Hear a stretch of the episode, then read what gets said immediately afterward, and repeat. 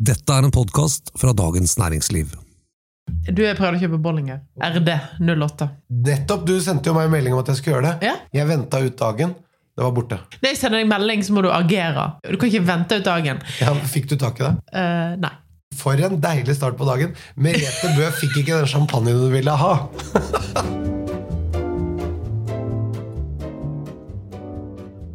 Hjertelig velkommen, kjære lytter, til Dagens Næringslivs Jeg kan ingenting om vin.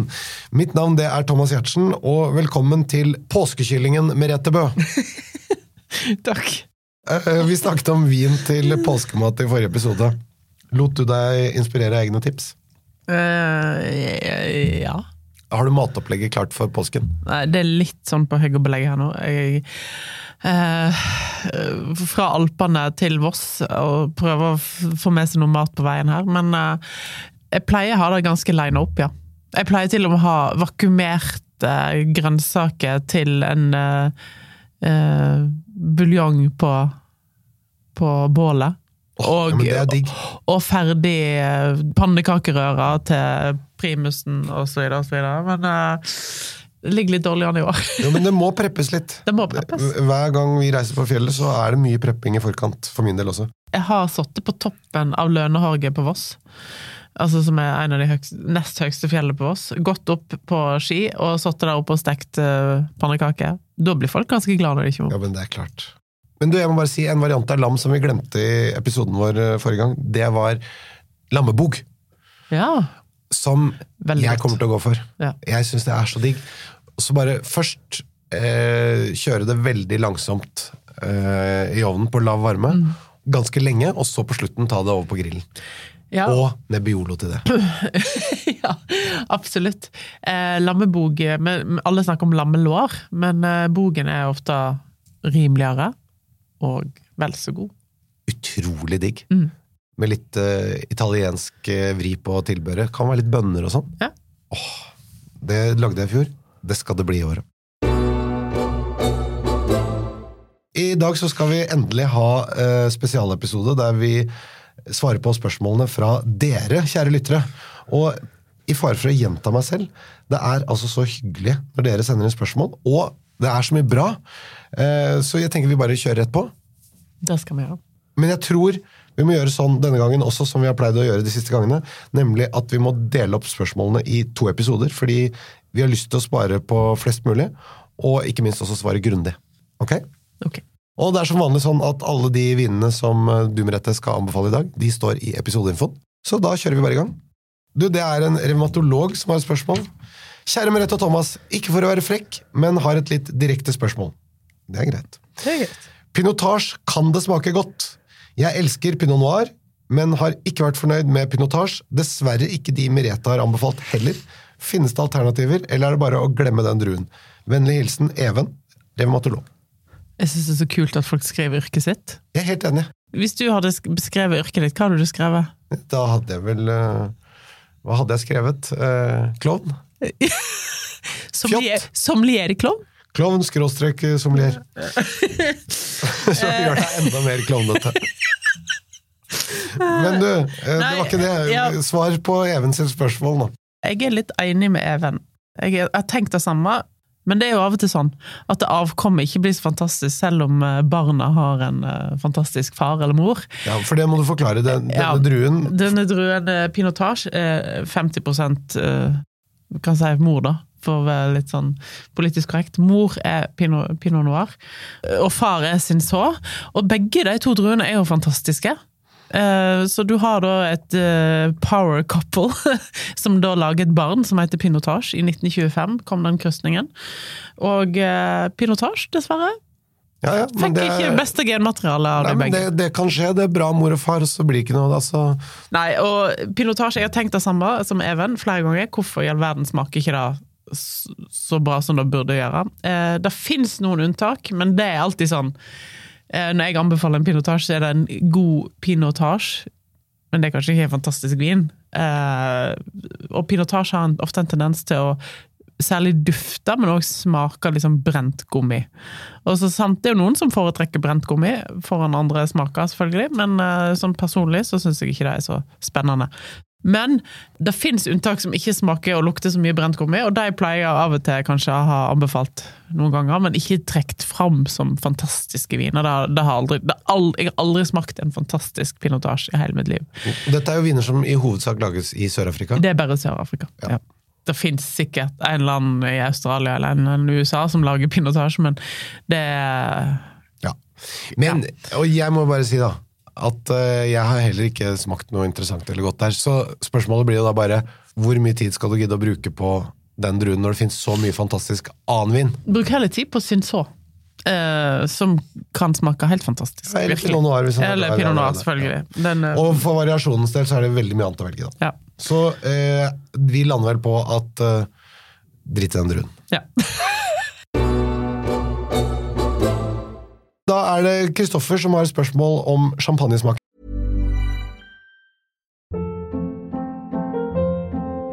Hold up. What was that? Boring. No flavor. That was as bad as those leftovers you ate all week. Kiki Palmer here, and it's time to say hello to something fresh and guilt-free. Hello Fresh. Jazz up dinner with pecan-crusted chicken or garlic butter shrimp scampi. Now that's music to my mouth. Hello Fresh. Let's get this dinner party started. Discover all the delicious possibilities at hellofresh.com.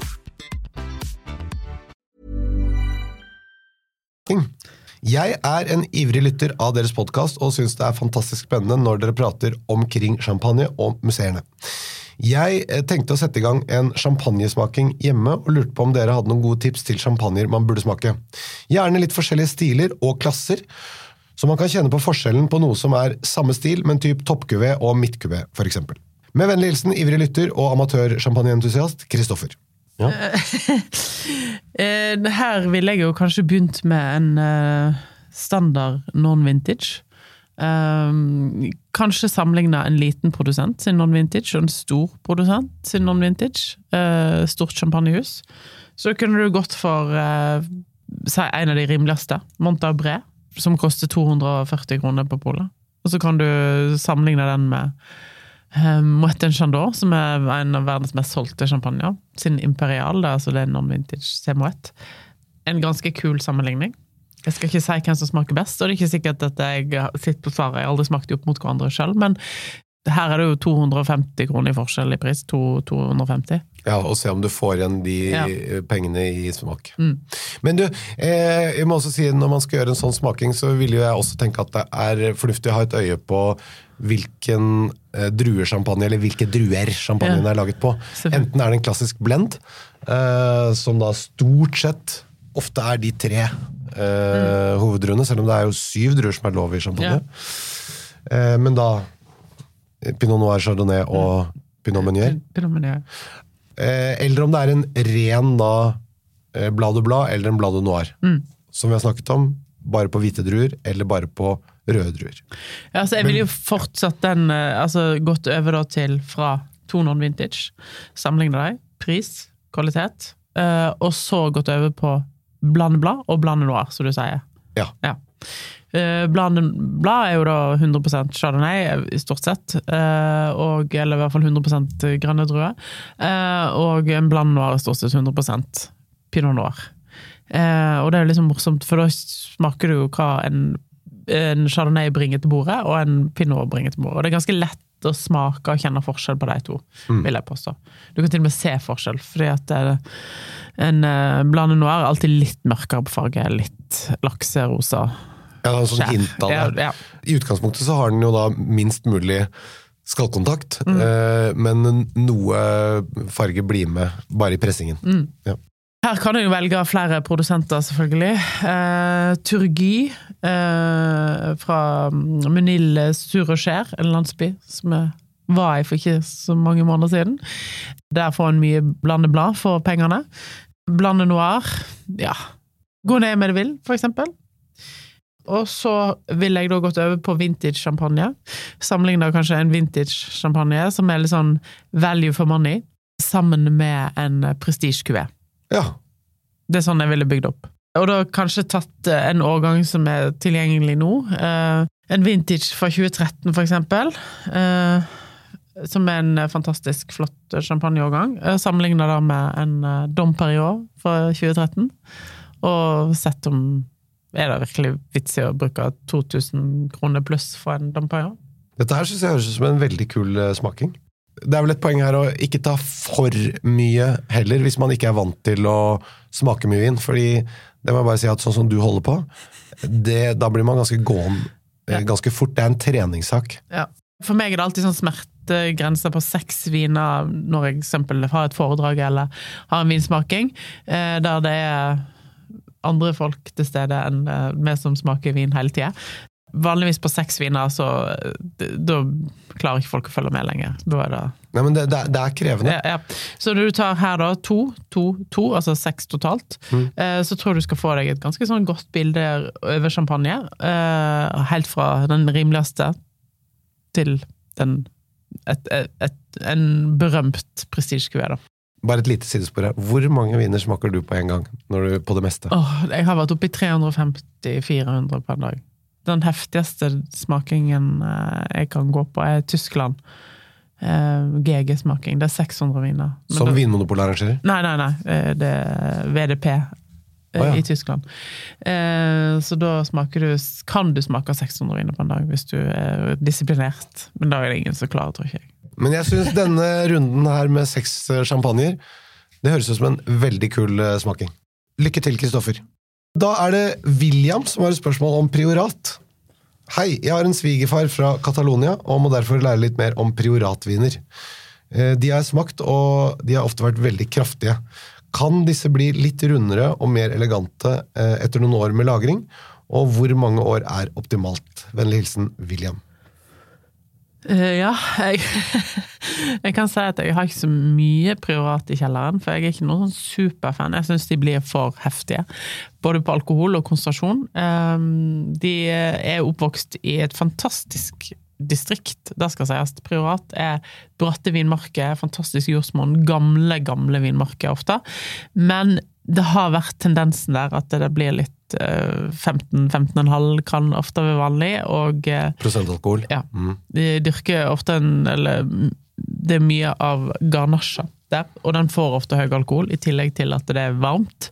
Og sånn så blir det en litt sånn uheldig kombo, syns jeg. Men de har jo blitt veldig populære, vinene fra Priorat, så eh, Og de er dyre. Men da føler jeg ikke at det er verdt å bruke pengene på, stort sett. Eh, Det er én produsent som utmerker seg kvalitetsmessig, syns jeg, og det er Dominic Huber sin Terroir All Limit, som eh, lager de beste vinene i hele distriktet. Jeg ville fokusert nesten kun på den produsenten. Eh, hvis du liker det, så kan du gå videre, men jeg syns at det er det beste. Men er det lettere og mer elegante viner? Det er mer elegante, lavere alkohol. De høster litt tid, eller han høster litt tidligere. Og så har han en De er ganske kostbare og ofte utsolgt. Eh, men eh, de kom inn for De kom inn på nå på Mars-slippet, så de har jo nettopp kommet inn. Så jeg tror mange av de er fortsatt tilgjengelige. Men han har òg en litt rimeligere vin fra Priorat som heter Historic, som koster rundt 300 kroner. Eh, og de er gode kjøp, altså. Både den hvite og den røde. Det betyr også at eh, svaret ditt er at de som er kraftige, de forblir kraftige uansett hvor mye lagring. Ja, de, de, de har godt av lagring, men det jeg har opplevd når jeg har smakt lagra priorat, som er kanskje 20 år gamle eller noe sånt, 15-20, er at eh, de blir veldig sånn tørka frukt og syltetøy, og tanninene stikker litt ut i alle kanter, syns jeg. Eh, også alkoholen Ja, og, er jo den samme. Sant? Og når, når frukten blir moden og tanninene blir litt mer sånn rustikke og avslippte, og så får du 15,5 i avslutningen der, det er for meg ikke noe jeg har lyst til å bruke tid på. Men dette er jo litt personlig òg, da. Litt personlig smak. Ja. Nei, men det, jeg skjønner det er litt stikkete tanniner og så runda med halsbrann. Det. Ja. Da foreslår jeg, William, at du prøver uh, Terroir All Limit. Ja. Knut Erik vil lære mer om Sinfandel. Hei! Vi hadde for en del år tilbake en opplevelse på Grilleriet i Oslo, der hvor kelneren anbefalte en amerikansk simfandel til vår meny med kullgrillet kjøtt. Dette var en Ravenswood Sonoma.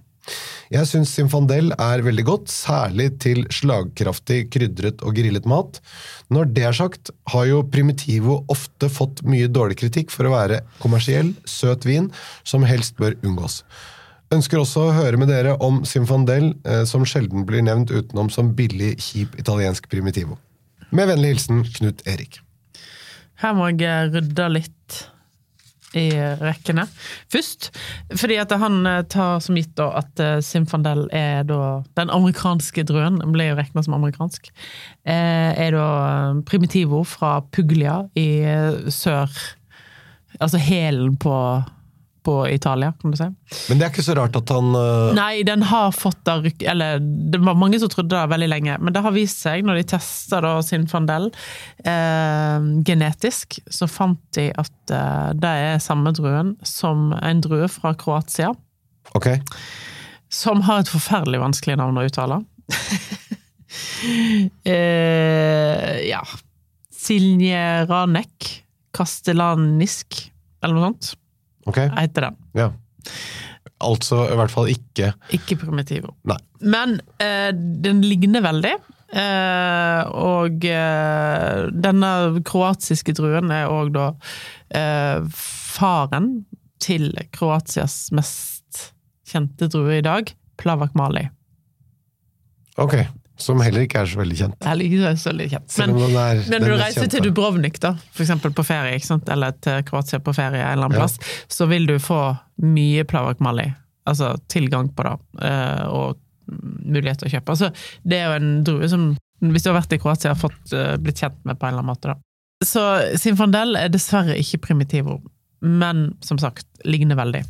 Men la oss snakke om Sinfandel, da. Sinfandel er jo kanskje amerikanernes eh, Eh, den eneste egne drua. Selvfølgelig det er vanskelig å si at de har noen egen druer, for alle druene har jo kommet fra Europa med eh, utflyttere. Eh, så her var det da noen folk fra Kroatia som tok med seg litt druestiklinger og reiste over dammen til USA, sikkert på 1800-tallet, og så har den da fått eget navn på Sinfandel.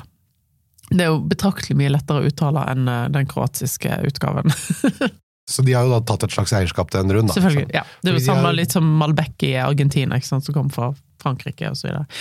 Eh, det er Ravenswood, en uh, god produsent, uh, men jeg syns jo òg at uh, Sinfandel gjør seg best hvis den klarer å temme alkoholen i den. For det er en drue som får veldig lett høy alkohol, og veldig lett 15,5 her òg, og da syns jeg kanskje blir litt too much. Men er ikke det også litt sånn at eh, den vinstilen har jo vært liksom eh, likt og holdt høyt i USA. Eh, ja, det, det er jo veldig det, det, passer jo, det er en drue som passer den amerikanske ganen veldig godt. Ja, for de liker kraftige viner, og ja. Robert Parker, som vi har snakket om tidligere, vinanmelder der, han eh, promoterte jo veldig sånn kraftige, tunge viner. Ja, veldig. Simfandel har jo vært også en variant av kraftige, tunge viner, men som har vært laget mye billigvin av. sånn eh, bulkvin. Mm. Jeg har blitt laga noe som heter blush wine og blush simfandel, og, som er da rosévin laget på simfandel, Ofte veldig sånn søtlig, billig, bleik. Og de billige, kraftige alkoholtunge som kanskje ikke har vært uh, importert uh, all verdens av til Norge, men det har vært ganske stor produksjon av det i USA. ja. ja. Men i Norge nå ja. så finnes det de to, jeg vil si, de to beste Sinfandel-produsentene. Eh, og det er Brook Sellers, Chris Brookway i eh, Berkeley. Klarer da å lage en Sinfandel med lav alkohol, som er ganske så delikat. Eh, Syns den er ganske imponerende. Og den er for øyeblikket tilgjengelig, og det er ikke så ofte han er. Han blir veldig fort utsolgt. Koster litt over 300 kroner. Og så har du Ridge, som ligger i Santa Cruise Mountains, eh, over Silicon Valley som er en av de mest tradisjonelle produsentene av vin i USA generelt. Fantastisk produsent. Fantastisk produsent. Som vel eh, kanskje senere kommer på besøk eh, til oss her i podkasten. Uh -huh. De har da sin fandel tilgjengelig på polet nå. Den òg har en tendens til å bli utsolgt, så det er ikke vits i å vente. Ikke sånn som, som deg som ofte venter med å kjøpe ting når du får tips om det. Det er aldri noe grunn til å vente. Her må du være på hugget. For å si det sånn, jeg har aldri angra på en vin jeg har kjøpt. Jeg har kun angra på den vinen jeg ikke var rask nok med å kjøpe. Så Ridge, eh, absolutt. Og de klarer jo holde seg på sånn 14,5 stort sett. 14-14,5 på, på, på alkoholen. Men de har en konsentrasjon, en frukt, som takler 14,5, altså. Men bare for å oppsummere, da, så er Brooksellers og Ridge de to eh, Sinfandel-produsentene som du mener er verdt å kjøpe. Da er det byråkraten Åsmund som har to spørsmål. Han skriver Hei, sprek og sunn vestkantmann 51. Det er meg. Uh, og vinspytteren fra Voss. Fy det faen, Jeg skulle nesten tro at du kjente Åsmund når han sendte dette for smiska.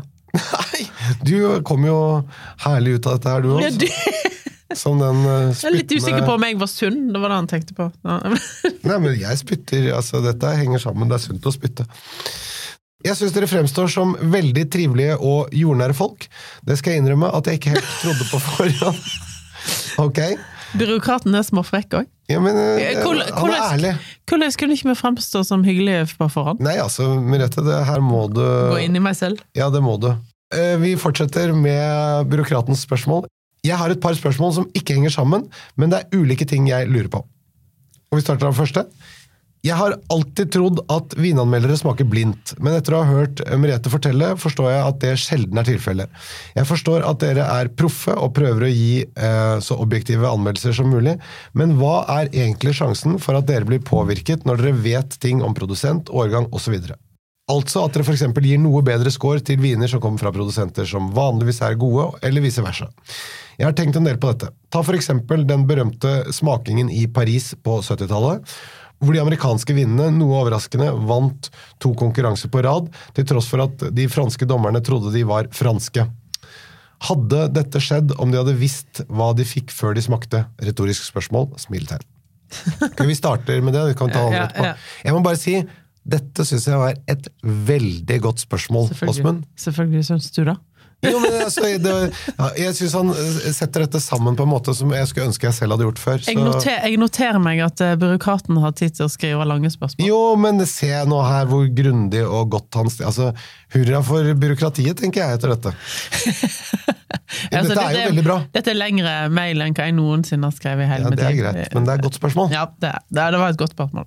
Jeg skulle gjerne smakt mer blindt. Det er veldig veldig lærerikt å smake blindt. Men jeg tror på, ofte på smakinger, på, særlig på pressesmakinger, så var det hyppigere ofte eller oftere blindsmaking tidligere. Men det er blitt så mye vin i markedet, og det er så liten tid, eh, at eh, det er vanskelig å Det krever litt mer av de som arrangerer smakingen. Altså, rent praktisk å gjennomføre? Praktisk å gjennomføre en blindsmaking er litt mer orging. Eh, før så smakte vi alltid blindt på polet, blant annet.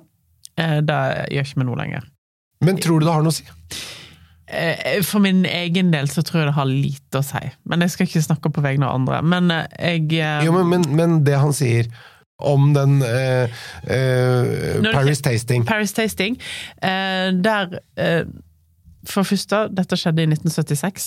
Jeg tror på en sånn konkurranse som det var, da, eh, så tror jeg det er helt avgjørende at det er blindt.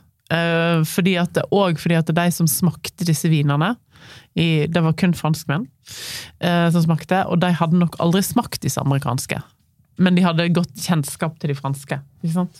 Ja, men de tok jo altså feil. De tok feil. Og dette var jo veldig erfarne vinfolk, så spørsmålet er hvorfor Ja, men- tror du at du ikke ville blitt påvirket på samme måte som de ble det den gangen?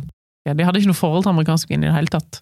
Sant? I dag så har vi jo et forhold til de amerikanske og til de franske, og et forhold til omtrent alt. ikke sant? Så Men, det, men de må da ha kjent at liksom, ok, men dette smaker jo ikke sånn som jeg kjenner fransk vin, og så nei, men Kanskje det de likte. For dette er jo på et tidspunkt da fransk vin eh, hadde mye magre år, altså kalde år, ikke sant. Eh, det var lite fantastiske årganger på 70-tallet.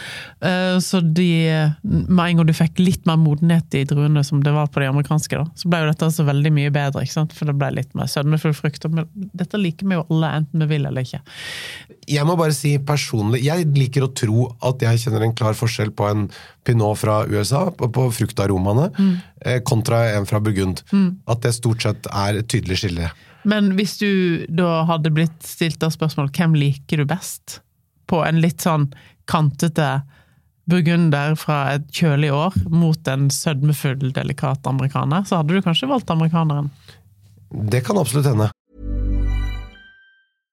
Hey, I'm Ryan Reynolds. At Mint Mobile, we like to do the opposite of what Big Wireless does. They charge you a lot, we charge you a little. So naturally, when they announced they'd be raising their prices due to inflation, we decided to deflate our prices due to not hating you. That's right. We're cutting the price of Mint Unlimited from $30 a month to just $15 a month. Give it a try at mintmobile.com slash switch. $45 upfront for three months plus taxes and fees. Promo rate for new customers for limited time. Unlimited more than 40 gigabytes per month. Slows. Full terms at mintmobile.com. Many of us have those stubborn pounds that seem impossible to lose, no matter how good we eat or how hard we work out. My solution is PlushCare. PlushCare is a leading telehealth provider with doctors who are there for you day and night to partner with you in your weight loss journey. They can prescribe FDA-approved weight loss medications like Wagovi and Zepbound for those who qualify. Plus, they accept most insurance plans. To get started, visit plushcare.com slash weight loss. That's plushcare.com slash weight loss. Mom deserves the best, and there's no better place to shop for Mother's Day than Whole Foods Market. They're your destination for unbeatable savings, from premium gifts to show-stopping flowers and irresistible desserts. Start by saving 33% with Prime on all body care and candles. Then get a 15-stem bunch of tulips for just $9.99 each with Prime. Round out Mom's menu with festive rosé, irresistible berry chantilly cake, and more special treats. Come celebrate Mother's Day at Whole Foods Market. Ja. Men poenget er at du smaker blindt, Ja. og da eh, kommer det et utfall som i hvert fall du ikke ønsker. Og da, da er eh, spørsmålet, når du vet fasit, kan det påvirke, eller gjør det ikke? Det er spørsmålet her. det er noe med å vite hva du smaker, er jo at du har smakt vin tidligere ofte, og dette er en årgangsendring kanskje, og da er det litt sånn greit å øh, vite at du Altså ikke bruke tid på å finne ut hva du smaker. Nei, Men det handler litt om tid og sånn, og at det kanskje kan påvirke noe. Er, eh, ligger det inne i svaret her? Ja, det, Jeg skal ikke si at det ikke kan gjøre det. Jeg har fått kritikk i sosiale medier for at jeg har gitt 86 poeng til en vin som burde hatt 94. Uh, fordi at det er en fantastisk produsent. Mm. Og da har folk sagt 'hvordan kan den få 86'? Jo, den er ikke så bra som den burde være. Eh, Vi diskuterte 18-årgangen fra Burgund. Uh, Da var det jo store produsentnavn som vi diskuterte både i podkasten og, og utenom også. Jeg var var kritisk. Ja, du var veldig kritisk uh, til ting som du egentlig liker kjempegodt. Ja. Så det er sant, det, altså. Ok, så uh, en forsøksvis oppsummering her. Kan påvirke litt. Det har mye med det praktiske å gjøre. Forhåpentligvis påvirker det ikke så mye. Uh, er det riktig? Ja. Og Da er det del to av spørsmålene til Åsmund. Dere har sagt at optimal temperatur for lagring av vin er rundt 12 grader, men at det er et spenn eh, som går fra litt lavere til litt høyere, som er ok. I den ene episoden sa dere at eh, å lagre på f.eks. 3 grader over tid ikke er så bra, men hva er egentlig problemet med å lagre en vin i 3, eller for den saks skyld 1 grad over tid? Blir den ødelagt, eller eh, bare utvikler den seg ikke? Og på motsatt side, hvis man lagrer vin i romtemperatur over lang tid, eh, vil vinen bli dårlig eller bare modnes raskere? Vil i teorien en Bordeaux bli moden eh, på 15 år istedenfor 20 år ved modning, i litt, ikke så mye, høyere temperatur enn det som er optimalt? Vennlig hilsen Åsmund. Det er jo litt eh, variabelt, akkurat dette med temperatur. Som, hvilke viner som blir påvirka mest. og sånn. Noen viner tåler veldig mye og er veldig robuste, andre viner tåler lite. Grunnen til at en ikke skal lagre på tre grader over lang tid, er fordi at vinen ikke utvikler seg normalt. Den stagnerer ganske mye. Og det, For noen viner har ikke det så mye å si, for andre viner er det litt dumt. For eksempel Bordeaux. Um, og så er det en annen ting også som kan skje ved tre grader og under tre grader, er at eh, vin som ikke er kuldestabilisert, kan få utfall av vinstein, blant annet. Og rødvin kan få mye utfall av, bunn, eh, av fargestoff og bunn, Men, altså men det, det, er jo mer eh, udelikat og sånn, det er ikke noe farlig. Nei, det er ikke farlig. Det er ingenting med kvaliteten å gjøre, eller noe sånt. men hvis dette er dyr vin på et eller annet tidspunkt du skal selge på auksjon igjen, eller noe sånt, så er det litt dumt hvis du har masse Det er klumper i vinen. klumper i vinen. Men bortsett fra det har det ingenting å si på kvalitet og sånne ting. Jeg lagrer all min vin på 10 grader. Ved 10 til 12 til opp til 14 grader, eh, så, så vil vin ha en sånn normal eh, utvikling, da. Så det er derfor en sier at det er den rette temperaturen. Hvis du hadde lagra alt, i romtemperatur, så er jo dif Det er jo veldig stor forskjell på romtemperatur. Eh, Noen har 19 grader inne, noen har 24. Det vil jo gå mye raskere, utviklingen. Og det kan jo òg hende at vinen blir litt sånn kokt i smaken. Blir, kan bli litt sånn madeirisert. Eh, og det er kanskje ikke det en ønsker. Men med dagens strømpriser så er, ikke, så er romtemperaturen noe lavere. Ja. Jeg syns folk har det altfor varmt. Når jeg kommer på besøk til andre, så syns jeg det er alltid altfor varmt. Eh, og det har ingen Du kan spare deg for sånn der eh, overgangsalder-greie, for, det eh, for det er alltid den jeg får. Eh, ja, når du kommer til overgangsalderen fordi du syns det er for varmt. Nei, 24 grader inne er for varmt. Personlig helt enig.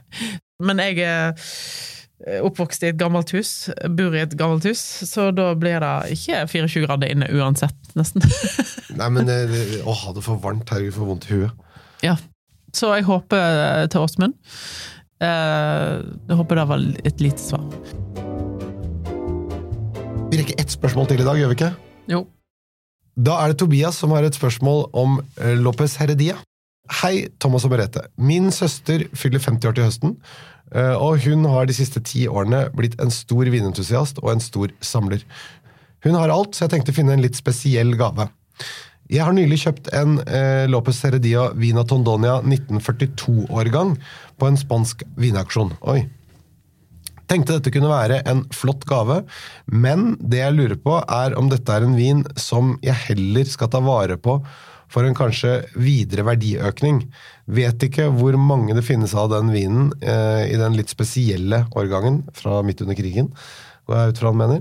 Eh, kanskje Merete vet noe mer, siden hun er veldig god eh, på den vinen og glad i produsenten. Vennlig hilsen Tobias. Ja, altså um... Det han lurer på er eh, Jeg skal gi en fin gave, men er den for dyr å gi til søstera mi? Jeg kan jo komme med et tips, da. Eh, Ja. Til en annen gave, hvis han ikke vil gi Loppserdia 1942. Eh, som jeg skjønner veldig godt. Den ville jeg i hvert fall gitt, Hvis jeg skulle gitt den, så hadde jeg gitt den med en som jeg av og til gjør. Eh, blant annet så ga jeg en gave til broren min for noen år siden, som på hans 40-årsdag. En Magnum champagne fra 1979. Det er hans fødselsår. Og da sa jeg den kommer med et forbehold, at jeg skal med og drikke den. Ja. Men, men bli en 42 Tror du ikke den er gone? Nei. Det tror du ikke? Jeg er veldig, veldig glad i lobster. det er vel ingen hemmelighet. Jeg har aldri smakt 42, tror jeg ikke, i så fall så er det lenge siden. Men jeg har smakt 47 for ca. ti år siden. Den var helt fantastisk. Så hvis den har lagra godt, så eh, Men det er med så gamle viner, det er risikosport. Det er alltid, da. Og du kan få ganske bra pris hvis du selger den. Jeg har sjekka nå. Det fins bare én, eh, så vidt jeg kan se, på Wine Searcher, eh, som har Lopserdia 42 Tononia inne, og det er en butikk i USA, i New York, og den koster 12, 13 000 pluss skatt og avgifter. Så den, det er jo en dyr vin. Ikke man kan kjøpe den for. Så, men hvis du har alt Det er én ting nesten ingen har som er glad i vin. Det er portvinstang. Hvis du blir 50 nå, så blir hun født i 1973. Eh, Så det betyr at eh, da kan du faktisk få tak i Rivsalt fra 1973. Du kan få tak i eh, Madeira fra 1973 på polet. Dette er jo gode alternativer, da. Ja. Hvis du har lyst til å beholde eh, Loppeseria 42 sjøl, som jeg nesten sjøl hadde tenkt òg, i hvert fall selv, eller gi den bort med forbehold om at du får lov med å drikke den. Eller du kan selge den. Eller du kan selge den. Eh, Kjøpe portvinstang, og eh, ikke portvin fra 73, for det fins ikke i Norge i hvert fall, men det finner du kanskje i utlandet. Men, men eh, kjøp da uh, Rivsalt eller Madeira. Det er alltid kjekt å få sin egen årgang, syns jeg. Jeg må bare si, eh, jeg tenker jo at det er så risiko å åpne så gamle flasker, så jeg tror jeg kanskje heller hadde solgt den. Men ikke hør på meg, jeg kan ikke den prosenten. Og så mulig du sånn. kan gi bort et uh, portvinstangkurs med deg. Du har jo lært deg dette. her. Jeg Det har ennå ikke tørt å gjort det. Det Nei. ligger på Instagram. Det var det vi eh, rakk med spørsmål for i dag. Eh, men vi fortsetter som sagt med flere spørsmål neste uke. Fortsett å sende oss flere spørsmål til vin at dn.no. Vi samler opp og putter dem i senere spørsmålspodder. Eh, Denne podkasten den er da som vanlig produsert av Feelgood for Dagens Næringsliv. Vi høres igjen om en uke med dette. Ja, ja.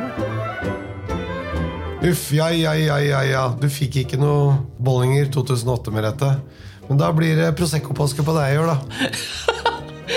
Ja, Kanskje til nød en uh, Aperol Spritz.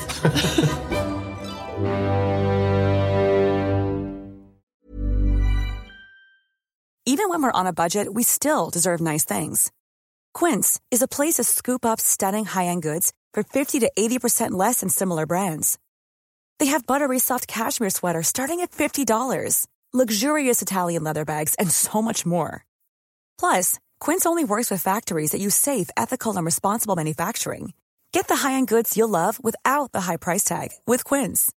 Go to quince.com slash style for free shipping and 365-day returns. Hold up. What was that? Boring. No flavor. That was as bad as those leftovers you ate all week. Kiki Palmer here, and it's time to say hello to something fresh and guilt-free. Hello Fresh. Jazz up dinner with pecan-crusted chicken or garlic butter shrimp scampi. Now that's music to my mouth. Hello Fresh. Let's get this dinner party started. Discover all the delicious possibilities at hellofresh.com. Even when we're on a budget, we still deserve nice things. Quince is a place to scoop up stunning high-end goods for 50 to 80% less than similar brands. They have buttery soft cashmere sweaters starting at $50, luxurious Italian leather bags, and so much more. Plus, Quince only works with factories that use safe, ethical, and responsible manufacturing. Get the high-end goods you'll love without the high price tag with Quince. Go to quince.com slash style for free shipping and 365-day returns.